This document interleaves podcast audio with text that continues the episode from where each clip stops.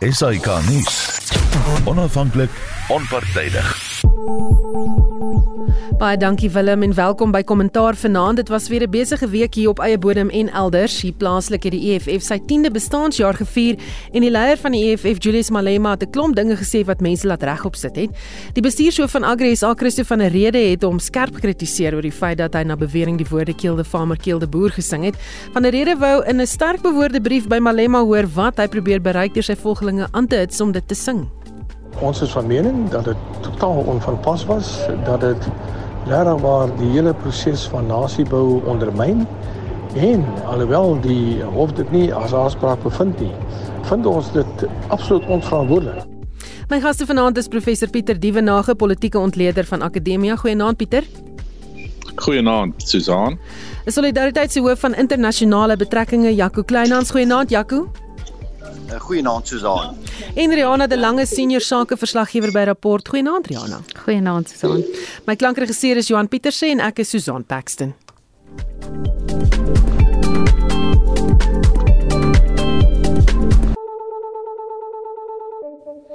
Nou as jy aanvanklik gehoor het wie die gaste is nie, is professor Pieter Dievenage, Rihanna de Langer en Jaco Kleinhans. Maar kom ons begin vanaand met so klein bietjie goeie nuus, goed voel nuus. Die Netball Wêreldbeker het afgeskop in Kaapstad en die span speel baie goed en alles laat mense hart sommer baie warm klop as jy daarna kyk. Rihanna, daar word gesê dis van die bes georganiseerde toernooie wat uh, daar nou gehou word in hierdie sport. Ehm um, is 'n vier in ons hoed. Ja, ek dink dit is net goed dit is die eerste toernooi wat in Afrika aangebied word en natuurlik is daar heelwat Afrika spanne wat wat goed kan doen. Ek dink ons het vanaand dalk 'n bietjie opdraande gekry, maar jy weet ek weet self van baie mense wat uh, kaartjies gekoop het in Kaapstad toe reis om van die eindstryd en van die ander wedstryde te gaan sien. Ag en daar was nou dalk 'n bietjie probleme met van die kaartjies wat mense gesê het hulle wil vroeg ontvang het, maar dit klink my hulle hulle het baie daarvan uitsorteer en die gees is baie goed. Jy weet ek ek dink die bemarking het my oog gevang in die aanloop tot die toernooi. Uh, ek het goeie tweets of ek weet nie of ons nou sê ekse gesien jy weet van uh, die Kaapstadse burgemeester wat sê alles lyk goed en um jy weet die mense is opgewonde, maar ek dink net ook jy weet om om te om te dink wat dit vir Kaapstad self beteken. Jy weet ek dink hulle het gesê hulle raam dit kan iets soos 68 miljoen van ekonomiese inspuiting vir die stad Kaapstad gee. En sulke goed is altyd goed, jy weet want die atlete en die amptenare en die besoekers bestee geld by restaurante, hulle koop, hulle moet vir verblyf betaal, baie goed vir diensverskaffers, handelaars en natuurlik, jy weet, sulke goed skep werk ook en ek is seker van die ander uh, gaste sal definitief ook kan praat oor die toerisme voordele wat so iets inhou. Mens moenie daardie waarde onderskat nie. Mm. Pieter en dan baie fokus op die vroue netbalspan voor die tyd. Daar was mm. omtrent net soveel bemarking as wat jy vir 'n rugbywedstryd sou sien. Ja, ek sou sê Susan, dit is baie goed dat dit gebeur het en dat die netbal uh ook sy verdiende plek uh, kry.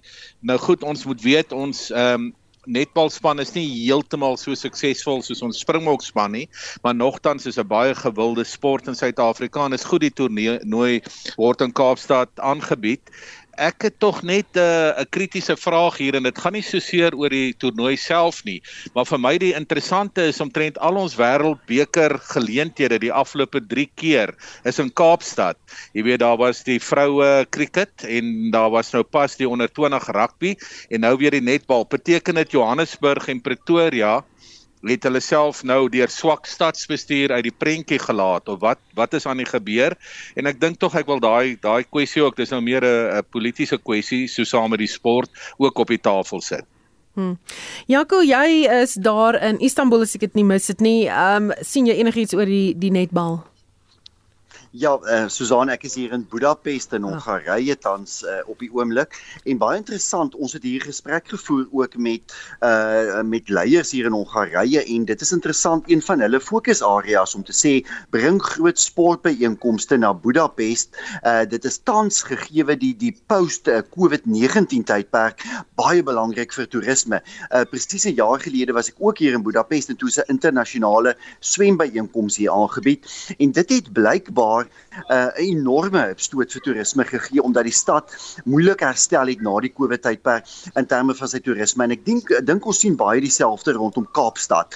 Ehm um, uh, Kaapstad het het geweldige verlies gely tydens die COVID-19 tydperk. Uh, ons weet self dat die Wes-Kaapse regering, die Wes-Kaapse premier uh, gesê het dat meer as 200 000 mense hulle werk verloor het in die toerismebedryf tydens die pandemie en sportbeeenkomste soos hierdie ehm um, is natuurlik 'n groot geleentheid nie net vir die mense wat tans dit bywoon nie, maar natuurlik omdat dit 'n bemarkingsgeleentheid is en omdat dit internasionaal 'n sekere beeld oor die stad uitdra en Kaapstad is een van Suid-Afrika se beste toerisme uitvoerprodukte. Ons het onlangs die syfers gesien dat daar 'n skerp toename was nie net in vlugte nie, maar ook in mense wat aankom, toeriste wat aankom in Kaapstad, dat die toerismebedryf in Kaapstad herstel het en dis goed doen. En ek dink ons mag positief wees daaroor. Ons moet positief wees daaroor en spesifiek oor die redes hoekom dit gebeur. Die feit dat 'n klomp dinge in Kaapstad en in die Wes-Kaap reggedoen word sodat so 'n byeenkoms suksesvol aangebied kan word. Kaapstad se middestad is veiliger as wat dit 'n paar jaar gelede was. Dit is skoner, dit is meer toerismevriendelik. Daar word goeie aktiwiteite vir toeriste aangebied en ek dink daarom mag ons uh, eintlik in 'n gees van ons eintlik die afgelope weke veral, jy weet in Suid-Afrika so voortdurend met goeie redes negatief is oor baie dinge, mag ons baie positief wees uh, oor hierdie netbal wêreld toernooi. Ons ons span is miskien nie die beste wat hy was die afgelope paar jaar nie. Ons het vanaand teen Jamaica verloor nadat ons wel uh, oor die naweek teen Sri Lanka en Wallis gewen het, maar nog steeds dink ek kan Suid-Afrika as 'n wenner uittreë uit hierdie uh, netbal toernooi in terme van van die bemarking en die toerisme geleenthede wat dit inhou. Mm. En ons natuurlike bergriane. Ja, natuurlik die die natuurskoon van Kaapstad is net iets wat baie maklik bemark kan word. Maar ek dink net die die vraag, jy weet oor Pretoria of Johannesburg of 'n ander stad wat dit miskien kon aanbied. Kaapstad, um, dink ek het gesê van die die afgelope jaar was daar sewe sulke groot toernooie. Pieter het nou van hulle genoem. En daaruit het hulle ekonomiese inspuiting van omtrent 5 miljard gekry. So dit wys jou hoe belangrik so iets wees en wat dit ook sou kon bydra vir 'n stad soos Johannesburg of Pretoria of watter metropool skool ook al. Pieter net so laaste vraagie ja. oor wat doen dit vir nasiebou?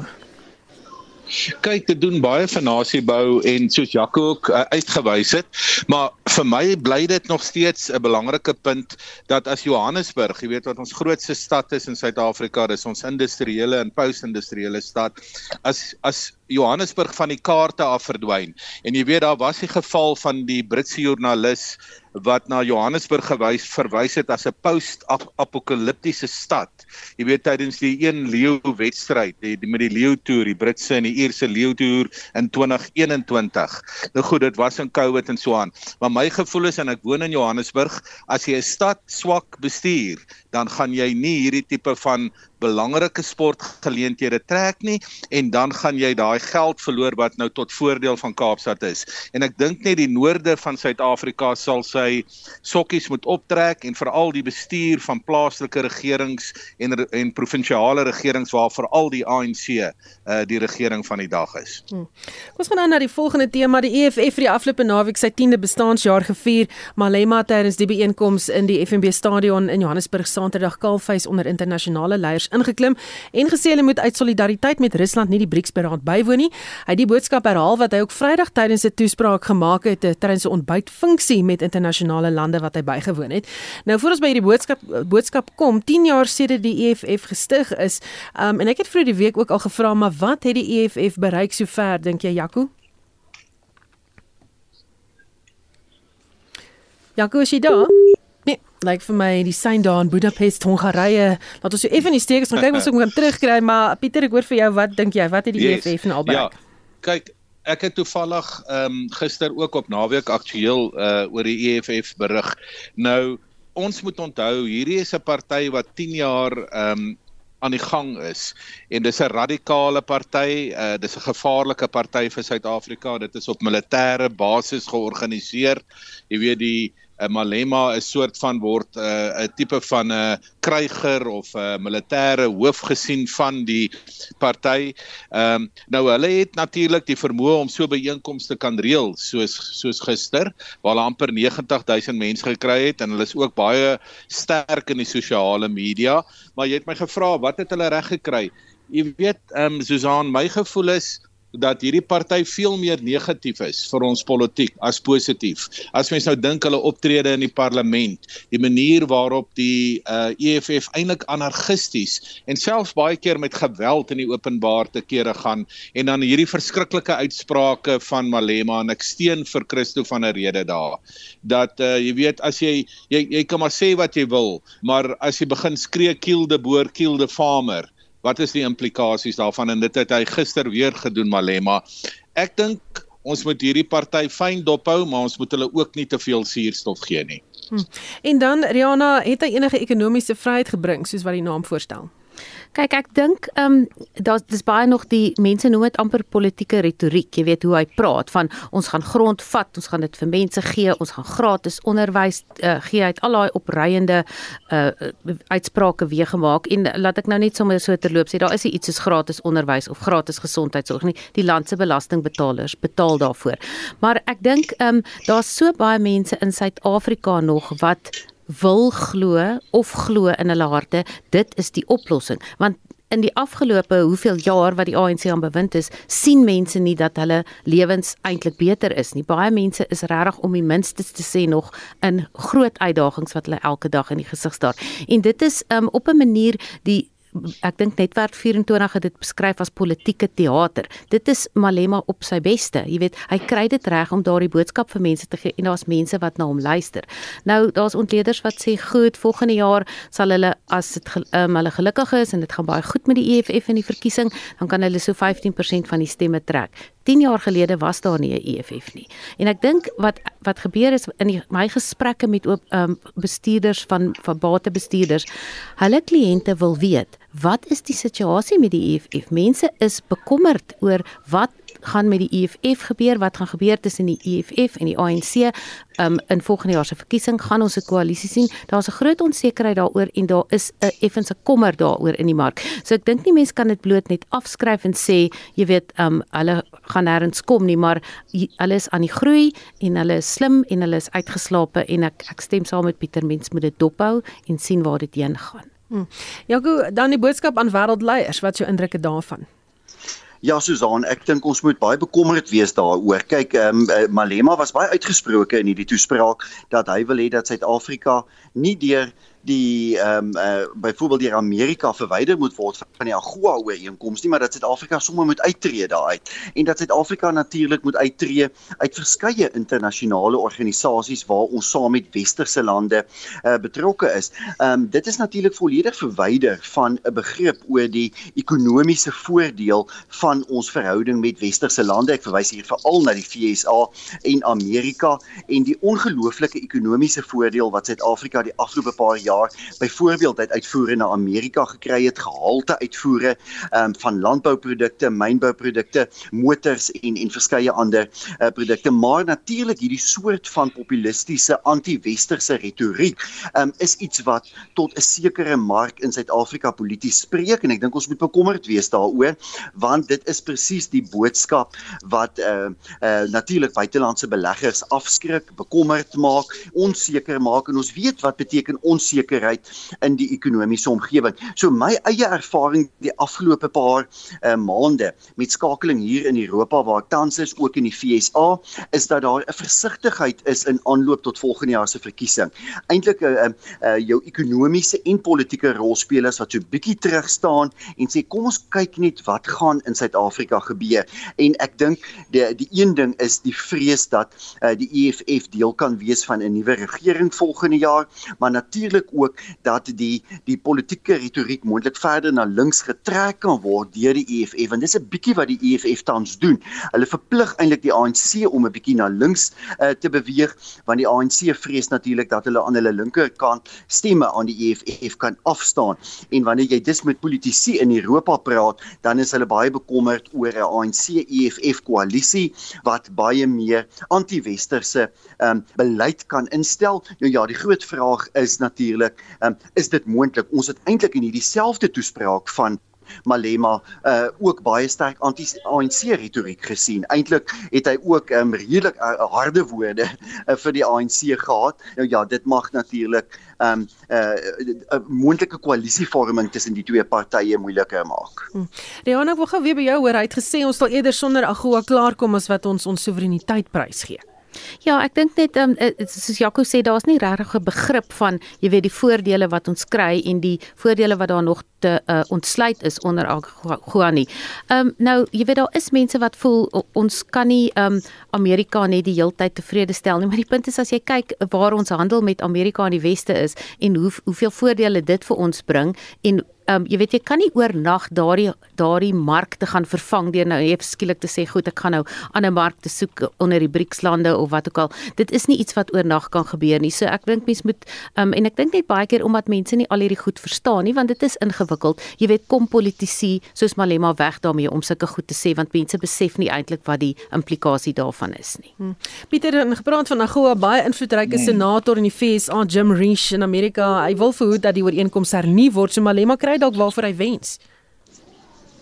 Kyk, dit kan gebeur want uh op die oomblik is die Republikeine in beheer van die huis van verteenwoordigers en daai tipe van wetgewing uh, moet deur die huis gaan. Maar gelukkig vir Suid-Afrika het die Republikeine ook nie so geweldige meerderheid daar nie. En uh, mense sal moet sien of hierdie of hierdie kwessie tog deurgevoer gaan word in Amerika. Wie weet, hulle is nou in hulle verkiesingsseisoen, daar's 'n klomp ander dinge op die agenda.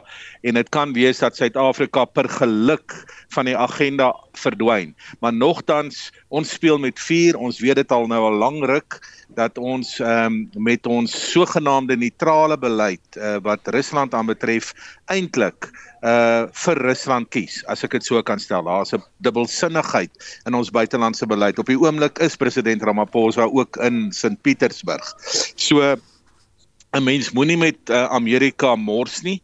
Uh mens kan nou uh, jy weet jy kan enige posisie oor Amerika inneem, maar dit bly steeds die belangrikste ekonomiese mag in die wêreld en as Suid-Afrika ook uh net wil besef dat dit 'n belangrike handelsvernoot van ons is, dan sal dit gou blyk dat Malema se retoriek is eintlik hoogs populisties uh en uiters onverantwoordelik. Hmm. Ek sien hier's 'n interessante um SMS van 'n luisteraar Ina Versagie wat sê ek wonder hoekom is die mense op die program nie eerder in die parlement nie. Julius Malema hoort in die tronk. So julle ouens moet dalk eh, dit oorweeg om posisies te verander. 'n uh, Laaste vraagie oor hy het ook gepraat oor 'n uh, Verenigde Afrika. Hy het regtig nog ons daarop klem gelê en hy het gesê diktators op in Af Afrika se dae is nog getel. Hy het gesê hy hoop in Zimbabwe gaan die verkiesing goed gaan. So hy het nogals belangrik dit my by die Afrika kontinent en 'n droom vir die Afrika kontinent Jaco. Ja, dis eintlik 'n uh, vreemd Susan. jy weet aan die een kant um, uh, staan uh, Malema baie sterk aan die kant van van diktators, van rolspelers in Afrika lande wat demokrasie ondermyn en aan die ander kant uh, jy weet het hy dan hierdie retoriek teen diktators.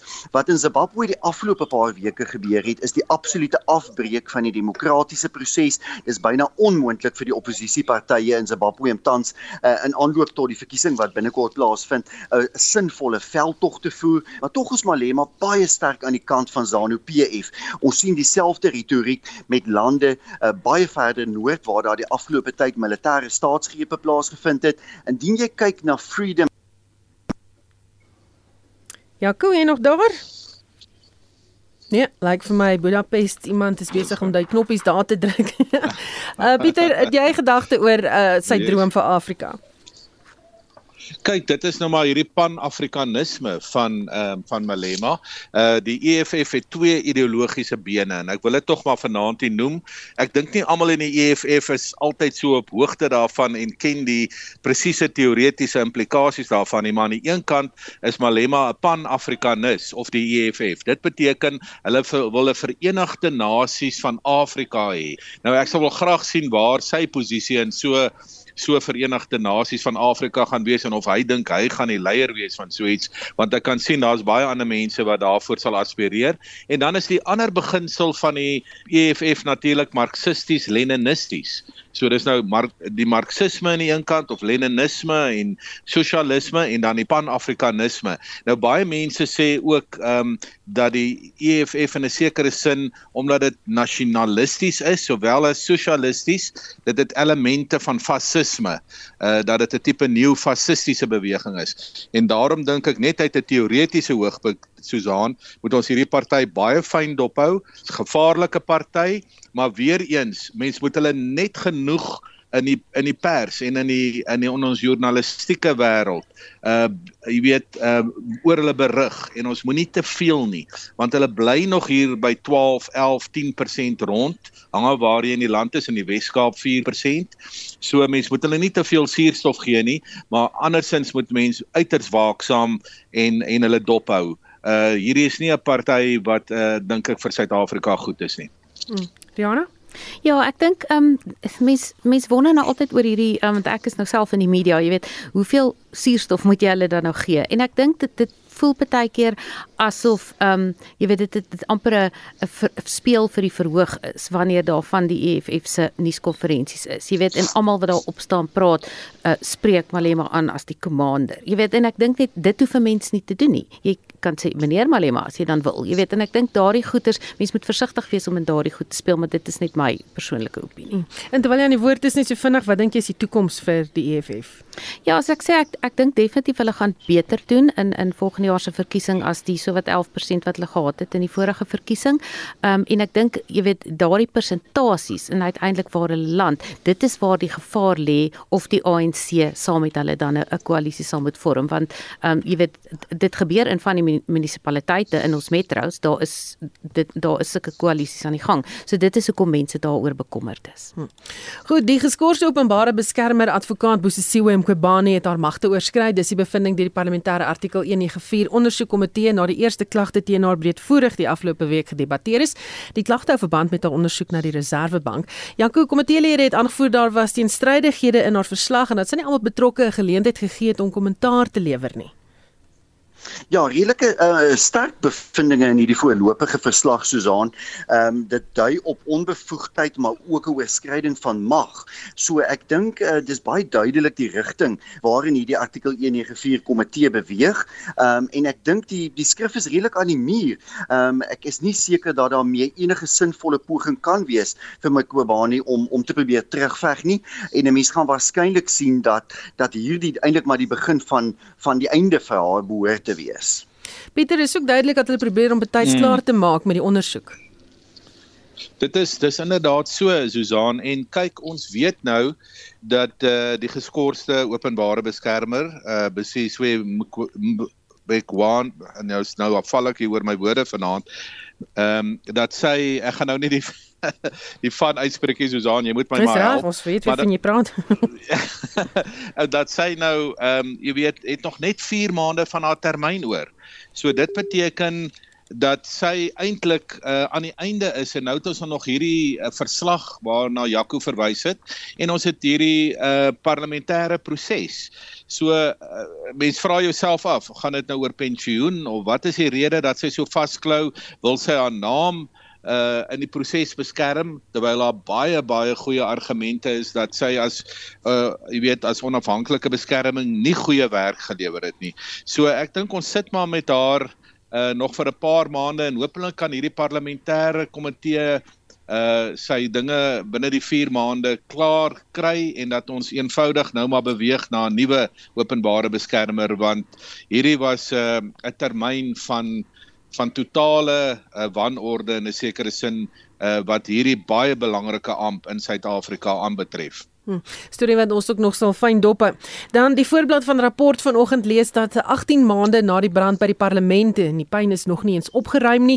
Rihanna volgens die regering se eie skedules sou dit dan nou môre klaar gewees het die opruimingswerk.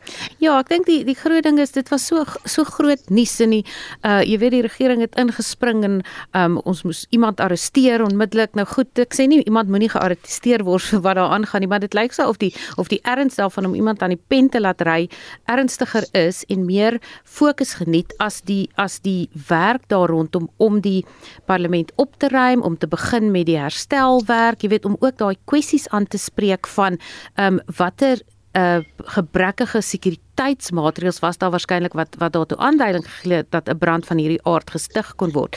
Die ander ding is jy weet die minister het um, van finansies het 2 miljard rand begroot hiervoor. Nou, jy weet waar is die geld? Nou kan jy sê goed, die ontwikkelingsbank sê ehm um, van die redes waarom ons alles nou so sloer is, hulle moet seker maak oor die strukture wat daar is. Hulle is bang vir ander vloedskade. Natuurlik moet mens versigtig wees, maar jy weet, nou stel jy vir jouself 'n 'n spertyd en dis asof niemand hulle daaraan steur nie. As jy in die privaat sektor was en jy hou nie as 'n kontrakteur of 'n of 'n projekbestuurder by die spertyd nie, is daar gevolge. Ek weet nie of dit in hierdie geval um ook so is nie. Hmm. En die vraag is seker ook nou hoeveel geld is nou al betaal intussen en uh dis ook nie die eerste keer dat ons 'n gebou bou nie, Pieter. Ja, weet jy wat vir my die ontstellende hier is Susan? Ehm um, Die brand was in Januarie 2022 en volgens die beplanning van die regering en dit is al reeds 'n lang beplanning wat my aanbetref, moet dit September 2025 klaar wees. Hier is ons nou in die middel van 2023 en niks het gebeur nie. Niks het gebeur nie en die ander ontstellende ding is die regering kan self deur die departement van openbare sake kan nie hierdie werk doen nie. Dit mense sou dink dis die regeringsdepartement. Ehm um, nou is dit uitgekontrakteer na die Ontwikkelingsbank van Suid-Afrika wat lyk my ook maar stadig uh die meele draai daar ook maar stadig. Nou soos Rihanna sê, die die verskoning is nee, daar moet nou aan aan veiligheidsmaatreëls en 'n klomp tegniese dinge aandag gegee word.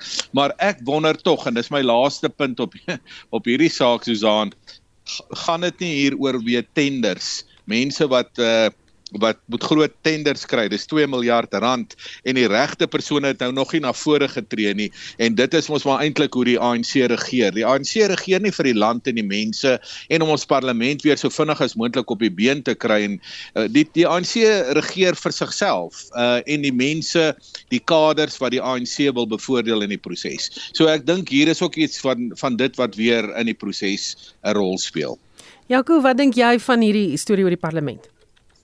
Ja, Susan, ek dink uh, mense moet ook bekommerd wees oor die invloed daarvan op demokrasie in Suid-Afrika. Uh demokrasie is regtig op die agtervoet in ons land. Ons sien die afgelope paar verkiesings 'n uh, afname in kieserdeelname.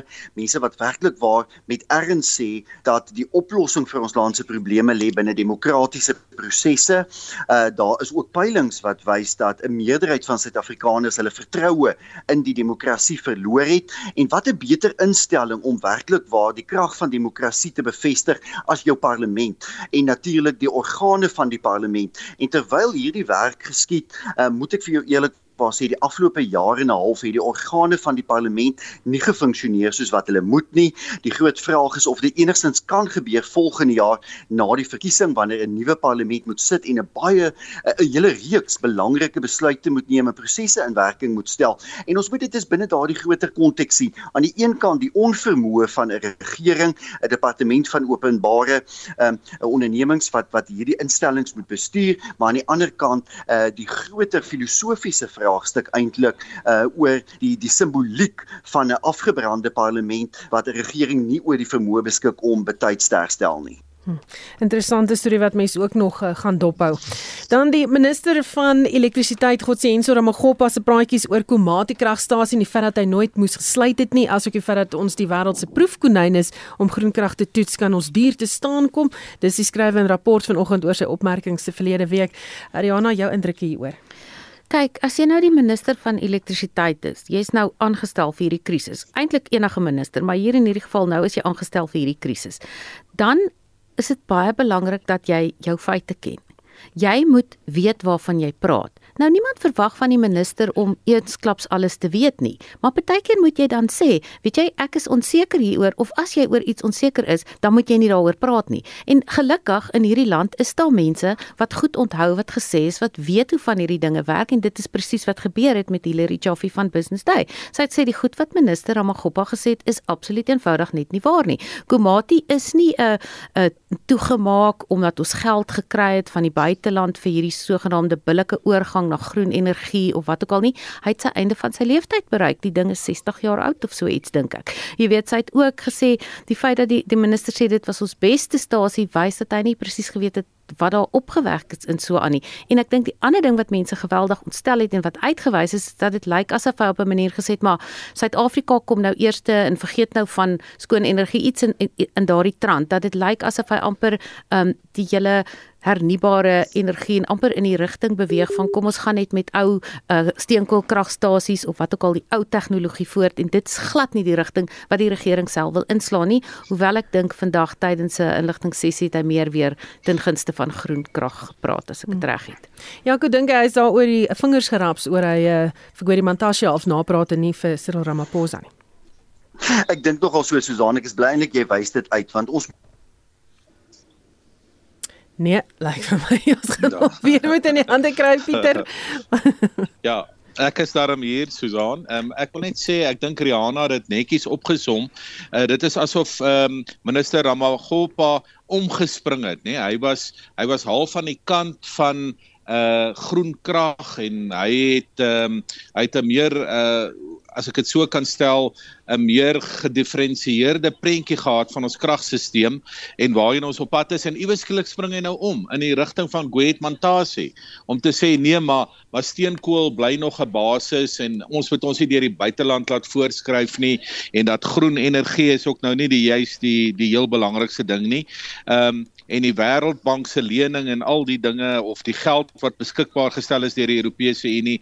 Dit is jy weet dit is vir my 'n tipe dubbelparatery wat nie goed is uh en wat ons nou al 'n lang ruk ook van die ANC kry. En hier het jy nou 'n ekstra minister van elektrisiteit en Jy weet klaar blyklik slaag hy ook nie eintlik in in sy rol wat hy moet speel nie. Nou waar laat dit vir minister Mantashe? Waar laat dit vir pra, Pravin Gordhan met uh die uh jy weet met die Eskom verantwoordelikhede? Dit is net eenvoudig 'n uh, 'n regering deur sy ministers, deur sy politieke arm wat ehm uh, wat wat lyk of hulle net eenvoudig nie gekoördineerd en uit een mond kan praat nie. En dit skep 'n bitter swak uh, indruk nie net binne Suid-Afrika nie maar in hierdie geval ook internasionaal omdat die hele wêreld in 'n sekere sin wegbeweeg van steenkool en in die rigting van herwinbare energie. En hier sit ons nou weer met 'n steenkool elektrisiteitsminister uh, wat klaar blyklik nie sy huiswerk gedoen het nie Ja, ek dink net selfs die Telegraaf in in Brittanje het daaroor berig. Jy weet wat wys dis nie sulke goed gaan nie ongesiens verby nie.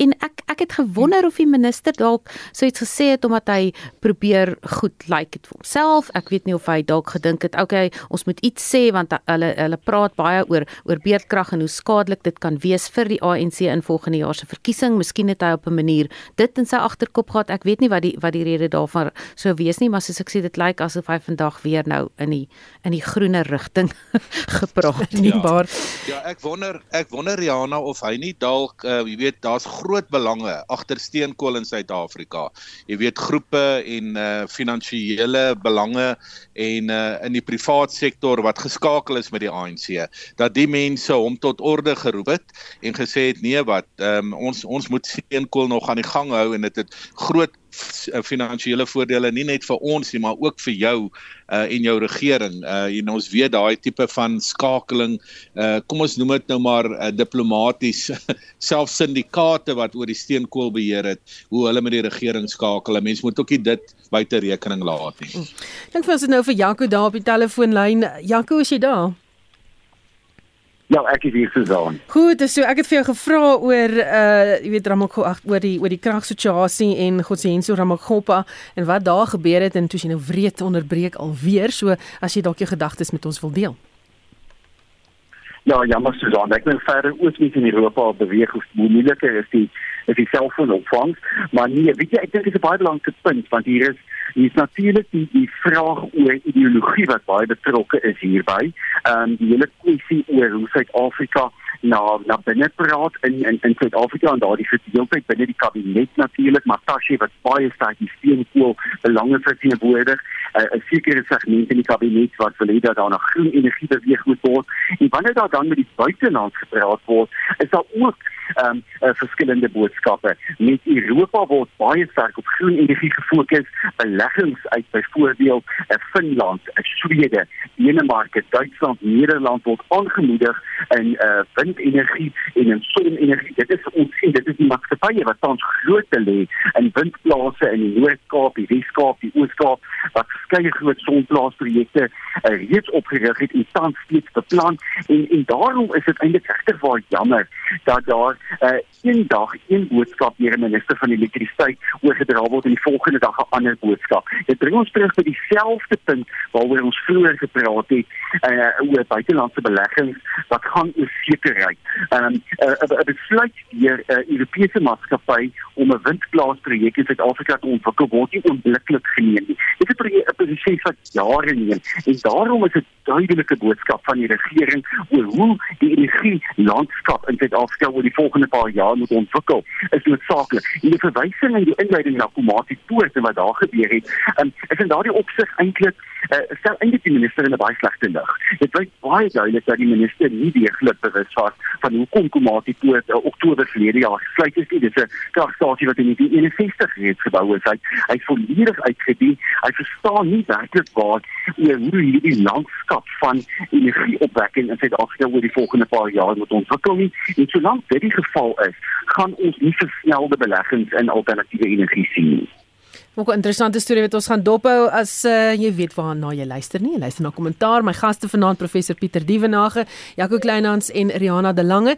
Die Sunday Times berig vandag oor 'n tweede COVID tender skandaal in die weermag. Glo sy daar behalwe vir die 273 miljoen rand tender ondersoek deur die spesiale ondersoekeenheid vir beskermingsdrag in die weermag tydens die pandemie, blyk dat daar nog so 'n skandaal is. Glo sy besonderhede van die ondersoek nou onlangs uitgelek en dat senior offisiere aangedring het dat die toerusting aan mense verskaf word wat hulle aandui dan nou vir 'n presentasie uitbetaling. Korrupsie in die weermag wat al duideliker word Pieter. Ja, weet jy, ehm um, Susan, dit is nou al so 'n patroon en ons het nou die Zondo kommissie gehad. Mense sou nou dink jy weet dat eh uh, departemente en dat die jy weet die die die onderskeie departemente in die regering jy weet uh, sou kennis neem. Maar lyk my dit is so endemies jy weet dit is so iets korrupsie is so endemies en natuurlik hierdie tender gevalle jy weet wat wat net ehm um, eenvoudig die heeltyd uh, daar is en en mens mens weet glad nie eintlik wat om meer te sê oor die saak nie. Jy weet, hier is nou 'n verskriklik belangrike deel van die Suid-Afrikaanse staat, jy weet die militêre. En hier is 'n geweldige personeelrekening. Mens weet nie wat alles daar aangaan nie. Daar's die heeltyd tender probleme. Daar's ook nou die hele kwessie van uniforms, jy weet wat vernuwe moet word, maar uh, teen 'n geweldige bedrag. Ehm um, dit sit maar net die soeklig oor die bestuur en die vermoë van uh jy weet die topbestuur van die van die weermag om reg te bestuur. Maar dit is nou nie net 'n weermag probleem nie. Ons het dit eintlik reg deur die staat en in hierdie stadium lyk dit vir my is dit omtrent net die inkomste diens wat min of meer goed funksioneer en ons weet hoekom dit die geval is. So uh dit is maar my opinie oor oor wat daar gebeur by die weermag. Hmm. Mense onthou dan nou ook die aankoop van die teen-COVID medisyne wat by die Kibane toe nou gekoop is. Groot uh, stories daaroor. Geld moes nou terugbetaal word. Ek weet nie of dit toe nou is nie. Um dis belastingbetalers se geld en dan sê die minister ook vroeër hierdie week maar hy die weermag het nie geld nie. Ons moet nou kies watse tipe weermag ons wil hê, Riana. Ja, ek dink net um, dit is nou presies wat wat Pieter nou nog gesê het. Jy weet, dit is so asof daar 'n uh, daar's net altyd ons wag net vir die regte mense om die, om die tender te kry. En nou in hierdie geval ek ek's altyd baie versigtig om te sê mafia staat. Jy weet maar daar is net soveel sulke onderduimshede wat aangaan in verskillende bedrywe. Daar is sprake in die konstruksiebedryf dat as jy 'n tender kry en jy jy kom om die werk te doen dan is daar mense in die gemeenskap wat eis dat 'n sekere hoeveelheid van die geld gaan na mense in die gemeenskap toe al doen hulle nie die werk nie net omdat hulle jy weet deur hulle straat moet ry of sulke soort van goeders. Hier hier het ons nou gesien mense het tenders gekry en dan word hulle genader en gesê jy kry 'n deeltjie van daai maar jy gaan dit verder uitkontrakteer na nog iemand toe. Jy weet en as hierdie tipe goed so um so wyd voorkom, dan is dit die presies die rede hoekom Suid-Afrikaners uiters bekommerd is oor iets soos die nasionale gesondheidsversekering fonds wat die regering wil stig om gesondheidsorg vir almal in die land as die enigste aankoper, jy weet, te betaal. Mense is uiters bekommerd vir wat gaan word van daai geld want wat waar het hulle nou al vir ons bewys dat die geld behoorlik bestuur word? Jy weet, uh onlangs was daar die hele storie van Tesorie wat Eskom wou vrystel van seker van die verkrygings uh reëls met met seker goed. Daar was 'n ongelooflike burgerlike uh mense wat wat wat daarteen beswaar gemaak het. Ons kan net dankbaar wees daarvoor want alles word um, deur die Suid-Afrikaanse burgers met uh, siniese en krities en en kommer dopgehou want want ons sien nie dat dinge reg werk nie. Jaco, moet jy meer indringend gekyk word na wat in die weermag se boeke aangaan? Uh, definitief so, Susan, daar moet gekyk word na wat in die weermag se boeke aangaan, maar ook daardie vraag wat die minister gestel het moet beantwoord word. Jy weet wat is die wat is die missie van die van die Suid-Afrikaanse weermag? Ek dink daar's drie belangrike dinge. Die eerste is sekerlik die verdediging van Suid-Afrika en Suid-Afrika het nie tans die wesenlike buitelandse veiligheidsbedreigings nie. So op daardie punt kan ons dit wel sê, maar dan het ons wel wesenlike uh, risiko's rondom uh, interne onstabiliteit soos wat ons uh, onlangs 2 jaar gelede gesien het. Ons het die op RC gepraat oor die 2 jaar herdenking van die opstande uh, in Natal en ons het daar gesien die onvermoë van die weermag, die weermag wel ingeroep het om betyds die regte dinge te doen. So daar het ons spesifiek 'n bekwame weermag nodig, maar die derde punt is net so belangrik en ek dink ons kan partytjie bietjie by dit verbykyk en dit is die belangrike rol om vrede in in Afrika te help bevorder waar die Verenigde Nasies en ander instellings eintlik 'n gesonde Suid-Afrikaanse weermag nodig. Daar's konflik in die DRK in Kameroen sien ons tans die die die opvoeding van daardie van daardie stryd is geskuld die oorlog in Sudan en ander lande en uh, die, die geskille by lê. Ons sien dat Rwanda, uh, Burundi, Egipte, Senegal, Ghana, dit is tans die lande Kenia ook wat soldate stuur na hierdie konflikgetuigde gebiede omdat Suid-Afrika eenvoudig nie oor die vermoë beskik om om werklik waar sy rol uh, as 'n as 'n as 'n uh, eintlik die vrede te bevorder in Afrika is sinvol daar te speel nie. So in daardie opsig ja, daar's daar steeds 'n wesenlike begroting. Die begroting is nie so groot soos wat sommige mense dit wil hê nie, maar daar is 'n wesenlike begroting wat gaan na die Suid-Afrikaanse weermag en die feit dat dit totaal en al vermors word en in sommige gevalle selfs gesteel word hierdie geld. Um, en dit is nie slegte gevolge vir Suid-Afrika nie. Dit hou 'n risiko in vir binnelandse veiligheid, maar dit is ook sleg vir Afrika se stabiliteit. Hm. Net hierna kyk ons na nuus uit die buiteland bly ingeskakel. Jy luister na kommentaar elke Sondag aand tussen 8 en 9 op RSG. Is nou so bykans kwart voor 9 en welkom terug by kommentaar my gaste professor Pieter Dievenage, Jaco Kleinhans en Rihanna de Lange. Nou Zimbabwe sal binne 26 dae na die stembusse gaan. EFF leier Julius Malema het die naweek gevra dat die verkiesing vreedsaam moet voortgaan en vry en regverdig moet wees. Maar gaan dit so wees, Jaco? Ek dink nie so nie Susan, dit is eintlik werklik jammer wat het die afgelope paar weke gebeur. Ons sien 'n onderdrukking van oppositiegroepe. Ehm um, eintlik is in baie gevalle hulle reg weggeneem om uh, verkiesingsbyeenkomste te hou. Daar was duidelike ongeregtighede met die samestelling van die kieserslys. Mense wie se name eenvoudig nie op die kieserslys verskyn nie. En dan is die vereistes om as kandidaat te dien ook wesentlik verander wat veroorsaak het dat verskeie geloofwaardige kandidaate uh, nie op uh, uiteindelik op die stembrief uh, sal verskyn nie. So vrese vir politieke geweld oor die volgende paar weke en ander tot die verkiesing is besig om toe te neem. Ek dink vir ons in Suid-Afrika sal mens graag wil sien dat daar 'n behoorlike gesonde demokrasie uh, weer terugkeer in Zimbabwe, dat 'n goeie verkiesing plaasvind, maar ek dink ons moet baie eerlik met onsself wees dat die die die beweging dat ZANU-PF sodanig sy sy magsvergryp versterk het op Zimbabwe die afgelope tyd dat uh, daar dat daar eerbare en eerlike vrees bestaan staan dat hierdie verkiesing nie vry en regverdig gaan wees nie. Hmm. Pieter, hoe gebroken is die land? Kyk, um, ons almal weet nou al dit gaan nie goed met Zimbabwe nie. En mense het die hoop gehad na Mugabe dat dit sou beter gaan en dat daar miskien 'n nuwe winde kon waai, maar ek dink ZANU-PF het so 'n magsgreep op Zimbabwe dat ehm uh, daar nie veel van 'n verandering gaan kom nie. Mense het steeds nog die menseregte vergrype, die korrupsie en dan het die weste oor ehm um, en dit is al die belangrikste lande van die weste het sanksies wat hulle teen Zimbabwe toepas. So om die dinge om te keer, ehm um, sal dit 'n geweldige poging verg. Ehm um, my my scenario is maar of uh, as ek in die kristalbal kyk, dan gaan hierdie verkiesing maar dieselfde roete volg as voorheen. ZANU-PF gaan hom wen. Daar gaan vrae wees daaroor. Suid-Afrika gaan stil bly, baie Afrika lande gaan stil bly en die probleem van Zimbabwe gaan verder toeneem. En dit uh, van 'n land wat eintlik 'n ongelooflike uh, rol kan speel nie net in Afrika nie maar selfs breër omdat daar soveel landboupotensiaal en eintlik ook mensepotensiaal in Zimbabwe is maar dit is asof uh die land eenvoudig net nie op die regte spore kan kom nie. Hmm. Hoe belangrik is dit dat die verkiesing vlot vir ons hier in Suid-Afrika, Riana? Ja, ek dink ehm um, mens wil tog dit moet tog goed gaan in jou buurlande want anders dra jy ook deel van daardie gevolge. Jy weet, en daar's reeds al soveel wrywing oor ehm um, soveel Zimbabweërs wat in Suid-Afrika werk of werk om soek. Jy weet, ehm um, het sy of daar xenofobiese uh, aanvalle of die minister wil hê almal moet teruggaan. Jy weet, dit is uh, mens mens gun die land en sy sy veerkragtige mense om om goed te doen. Jy weet, maar ehm um, oor die jare is alles net so afgetakel. Die ekonomie is ehm um, jy weet in in sy kanon as jy eintlik maar so kan sê.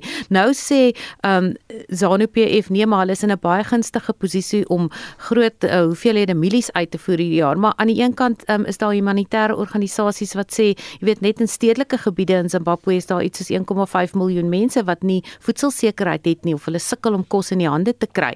Ehm um, jy weet so daar's net baie iewers gaan dit dalk met 'n deeltjie van die mense goed, maar met baie gaan dit nie goed nie. En interessant hier is dat Rusland, okay, ons het nou die Russiese Suid-Afrika beraad gehad hierdie week, maar hier is Rusland nou weer in die prentjie want hulle kom en hulle sê ons gaan in Afrika lande waaronder Zimbabwe gaan ons 'n hele hoeveelheid gratis graan vir julle gee en al die soort van goederes. Ehm um, dit is net half asof asof Putin daardie goeie wil koop dat hy daardie ondersteuning net in die openbaar wil sien van die Afrika leiers en ehm um, die goed wat ek gelees het is die die graan wat hy sê gaan na Afrika toe kom gratis is nie naaste by genoeg om die probleme aan te spreek wat daar is van mense wat wat honger ly nie. Hmm. Dan was daar ook 'n staatsgreep in Niger die afgelope week. Reuters berig vanmiddag dat die Franse ambassade daar aangeval is. Jaco, wat is die jongste dae? Ja, ek dink dit sluit eintlik aan by ons vorige stories gesaan oor uh, Zimbabwe uh, in Rusland se rol. Um, ek wil nie net sê Rusland was verantwoordelik vir hierdie staatsgreep nie, maar Rusland is toenemend militêr uh, betrokke en teenwoordig in die Sahel streek. Uh, ons het dit in Burkina Faso gesien, sien dit in Mali toenemend, ook die Wagner militêre groep, hulle tante groep wat baie sterk teenwoordig is in Mali en nou ook in Niger waar uh, die uh, Russiese vlag byvoorbeeld deur sommige van hierdie um, rebelle wat die militêre staatsgreep uitgevoer het, uh, gebruik is. Uh, so dit is 'n tragedie uh, vir Wes-Afrika. Dit is 'n land wat direk noord van Nigerië is. Nigerië het reeds probleme uh, met met uh, terreur spesifiek die kamitiese terreur in sy noorde um, en die feit dat nog 'n land uh, daar in die streek totaal gedestabiliseer word beteken die voetspoor van terreurgroepe word verbreek die ruimte van onstabiliteit neem toe die hoeveelheid mense wat probeer vlug uit die streek beide na die suide van Afrika maar ook oor die Middellandse See na Europa uh, sal toeneem uh, en ek dink daaroor moet uh, die Wes-Afrika lande baie bekommerd wees of sien Nigerië sê dit Senegal sê dit dit. Ehm um, uh, daar is iets die Verenigde Nasies wat baie bekommerd is oor oor oor dat dit dat dit uiteindelik tot 'n groter stabiliteit en onstabiliteit in die streek kan lei. En dit is weer jammer dat die Afrika Unie se invloed so ongelooflik beperk is dat hy werklik nie oor die vermoë beskik om regtig druk te plaas vir die partye um, om uiteindelik by mekaar te kom en die demokrasie te versterk. Nie. So ja, sonder twyfel 'n groot terugslag vir en nie net Wes-Afrika nie, maar die hele Afrika kontinent. Janko, weet ons al waar die president is? Ja, dit is 'n groot vraag natuurlik. Die die leier van die presidentsiële wag, die generaal wat nou oor die naweek oorgeneem het, sê nee, die die president is veilig as jy bekommer te wees nie. Daar is kommunikasie uitgereik uh, deur die president wat wel vir mense sê ek ten minste hy leef wel. Um, maar waar hy homself bevind is is baie onseker. Die landse grense is natuurlik gesluit. Ehm um, en dit beteken eintlik nie dat dit tans volledig geïsoleer. Ehm um, dit uh, kan baie vinnig tot tot groot uitdagings lei. Byvoorbeeld die invoere van sekere produkte en dit is 'n uiters arm land. Dit was reeds voor die staatsgreep baie arm land gewees en daarom kan die humanitêre krisis in die land binne enkele dae wesentlik toeneem. Hm. Pieter, wat maak jy van die storie? Ja, kyk, ehm um, Niger is seker een die een van die armste lande in die wêreld. En uh nou het mens weer hierdie staatsgreep deur generaal Chiani. Ehm um, en dit is in 'n streek, die sogenaamde Sahel streek waar daar baie politieke onstabiliteit is. Ek dink die lande om Niger, 'n uh, hele paar van hulle het ook nou al staatsgrepe gehad die afgelope 5 jaar en hier het ons dit nou weer in hierdie land.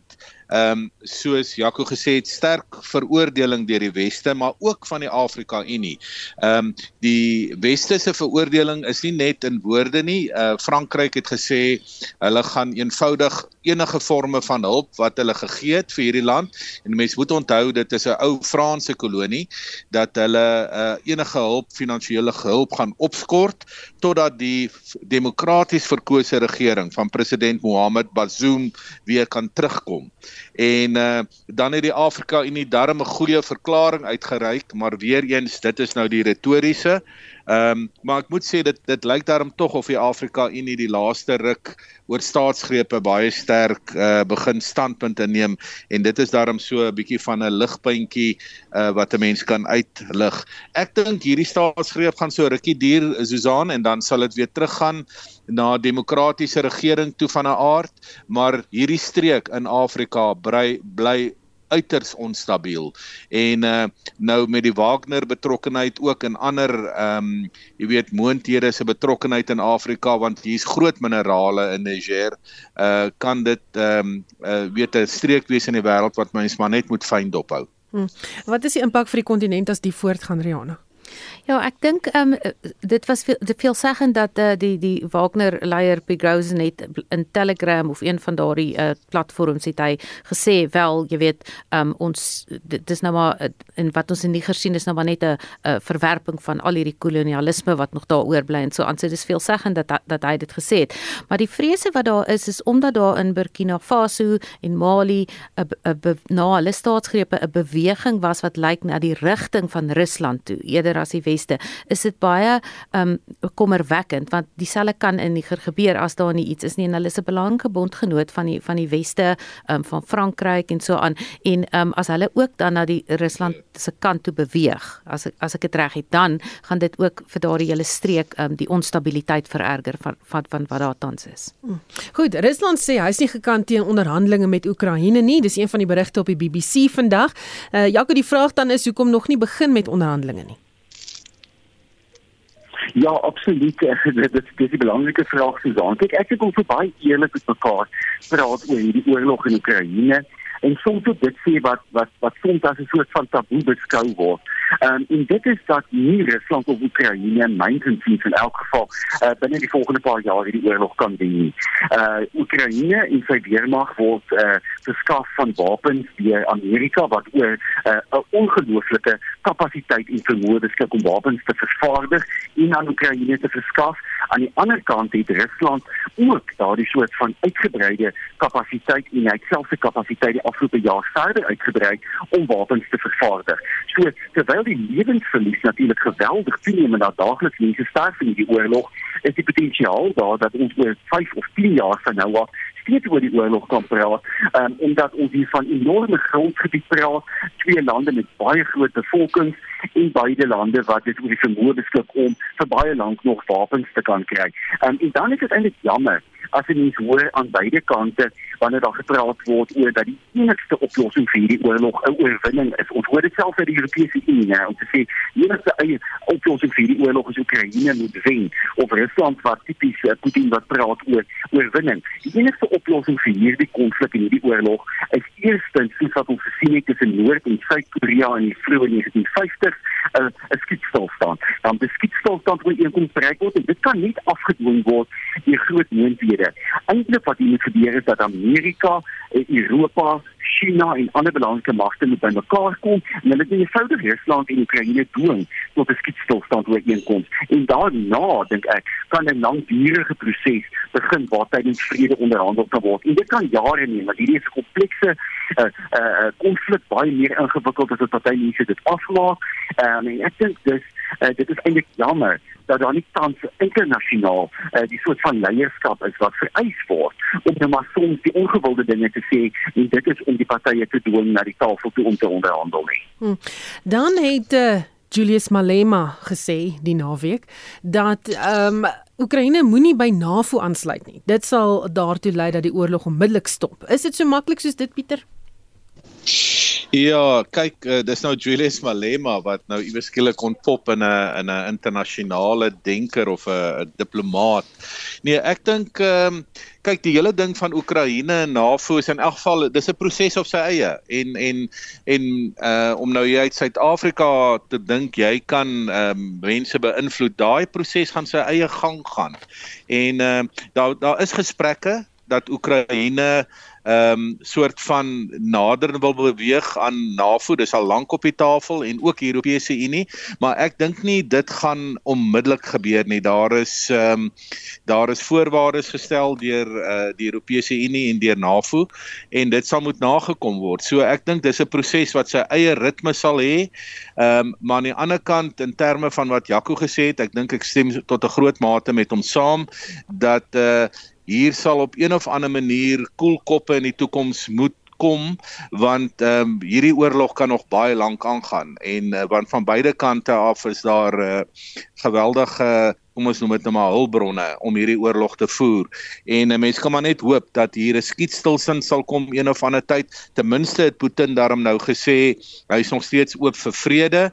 Uh, maar mens moet ook onthou dit is Rusland wat Oekraïne wat 'n soewereine staat is ingeval het. Uh natuurlik is daar klomp probleme rondom die Donbas streek en natuurlik die Krimskiereiland, maar Rusland het nie daai gebiede gaan inval nie. Hulle het Kiev uh ingeval in 2022. So ehm uh, Putin ehm um, kan kan sê hy is vir vrede, maar hy moet ook verantwoordelikheid neem vir wat hy gedoen het. Laaste gedagtes van jou.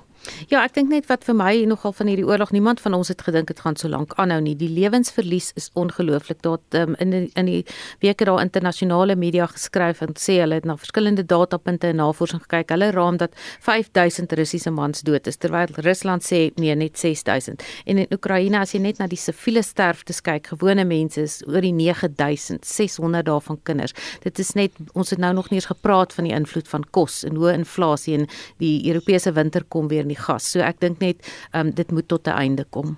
Hmm. Nou ja, en daarmee het dit tyd geword om te groet net so voor ons gaan. Uh, ek sien Jaco wat sê, het ek reg gehoor dit Malema vandag by Soweto Soweto weer gesê het kill the boer kill the farmer. Ja, 'n bietjie vroeër daarna verwys en uh, dan gee dit my die geleentheid om te sê moet na die program gaan luister op Potgooi. Hy sal beskikbaar wees 'n bietjie later, dan kan jy gaan luister na presies wat my gaste gesê het daaroor. En uh, my gaste was professor Pieter Dievenage, politieke ontleder van Akademia Solidariteitshoof van internasionale betrekkinge Jaco Kleinhans en Riana de Lange senior sakeverslag verslaggewer by rapport. My klankregisseur Johan Pieterse en ek is Susan Paxton.